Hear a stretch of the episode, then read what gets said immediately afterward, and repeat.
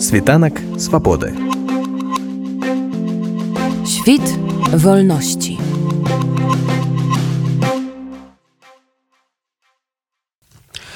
Што азначае аб'яднанне вайсковага падраздзялення з ініцыятывай, дзе амаль усе ўдзельнікі ананімныя. Ці ўдзельнікі кіберпартызану твораць нейкую кіберроту ў складзе ўзброеных сіл Украіны, ці яны захаваюць сваю самастойнасць, наколькі іх далейшыя справы будуць мець на мэце беларускія цікавасці, ці будуць яны падначаленыя камандаванню ўзброеных сілаў Украіны.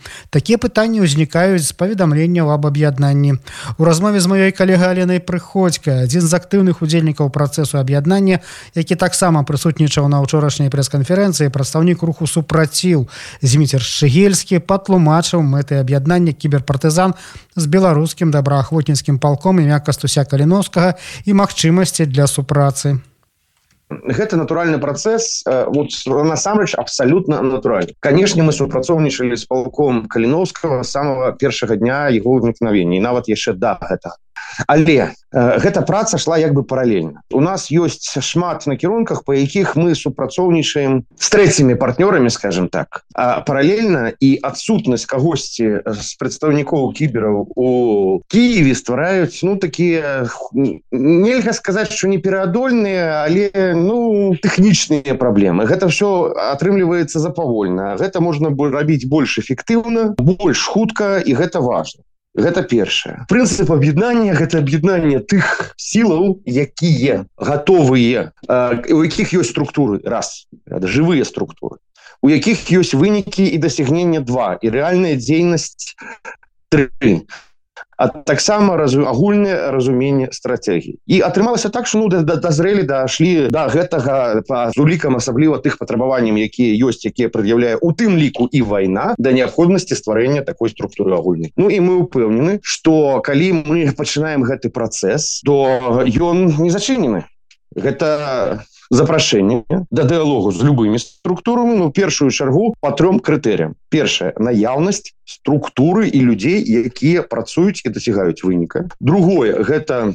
разуменне агульныя стратэгіі. Ну і трэцяе гэта тое што гэтыя структуры уплывовыя і маюць якой-то результат у сваёй дзейнасці Пры тым што пол каліноўскага створаны з больш большай часткай з беларусаў ён усё ж таки з'яўляецца часткай зброеных узброеных сілаў Украіны падпарадковваецца непасрэдна украінскаму кіраўніцтву і на службе хвілінку хвілінку хвілінку хвілінку хвілінку я удакладню адразу некаторыя рэчы тому што разумееце вы даеце некаторыя тэзісы з якімі я не згаджуся значит не большая частка а 95сотков это беларуса другое. Коли мы кажем про пол калиновского то здесь возникая такая блытаница у восприятия у тым лику беларусы пол калиновского як вч номер такой-то я не буду хотят які номер но вч номер такой-то гэта а непосредно ты кто со зброей в руках змагаются за свободу незалежность территориальную целостность украины за будучыню беларуси и баронить не только украину но фактычна и будучыню беларуси и усходней европы але пол калиновского гэта значна больш чым толькі гэтая частка. Гэта і валанцёрскія структуры якія дапамагаюць палку каліновства. Гэта рэкрутынгавыя цэнтры ў Еўропе. Гэта патранажная служба. Гэта резерв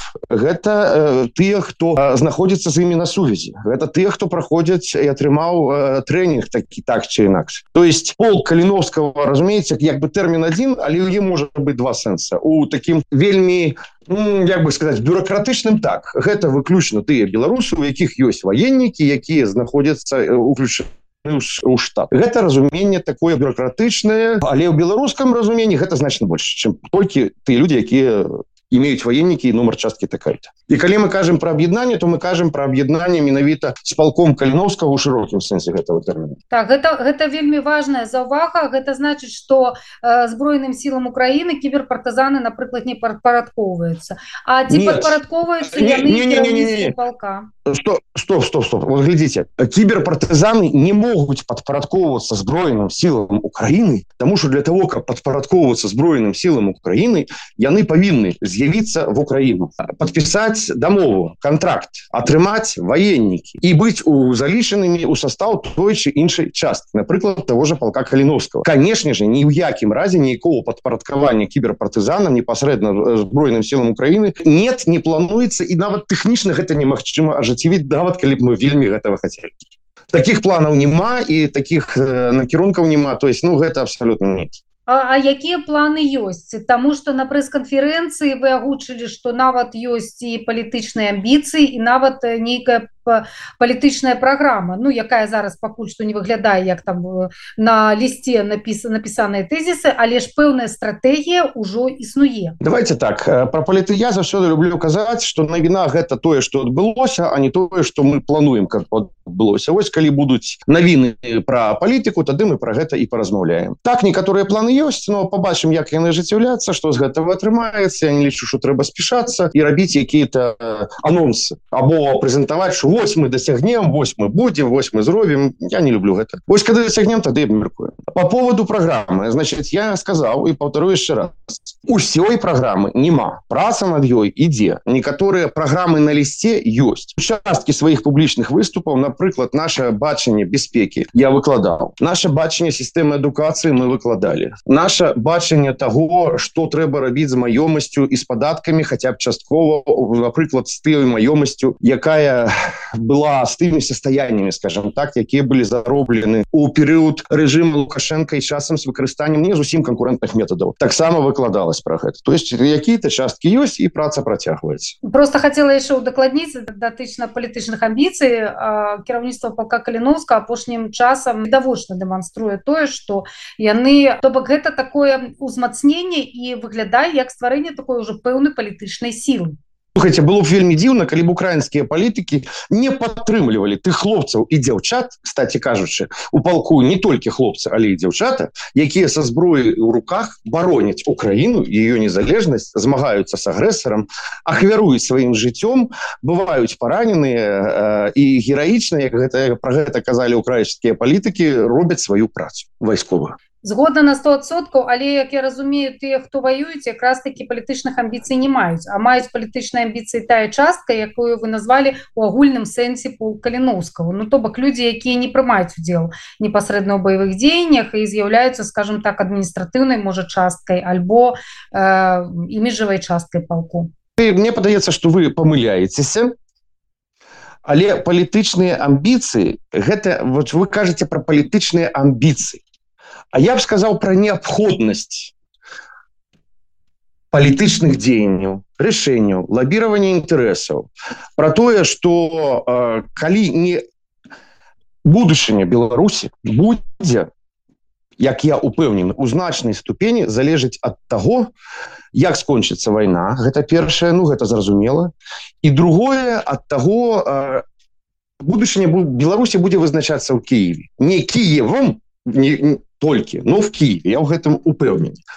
Як мінімум при вельмі вялікім уплыве Киева і кіевскага палітыкума. І калі мы клапоцімся про сваю будучыню з кіевскім палітыкумам трэба працаваць. Наши інтарэсы в Украіне нацыянальныя трэба якім-то чынам прасоўваць нават лабіраваць.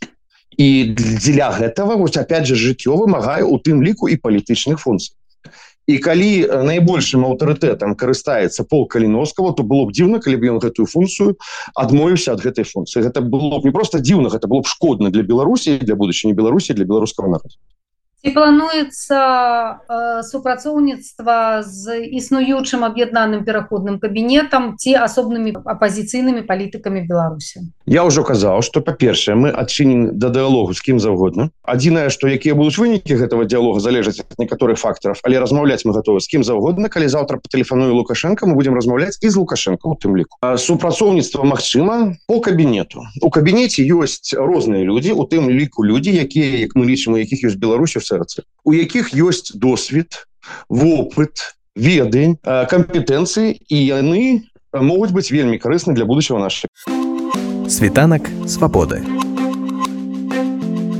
Świt wolności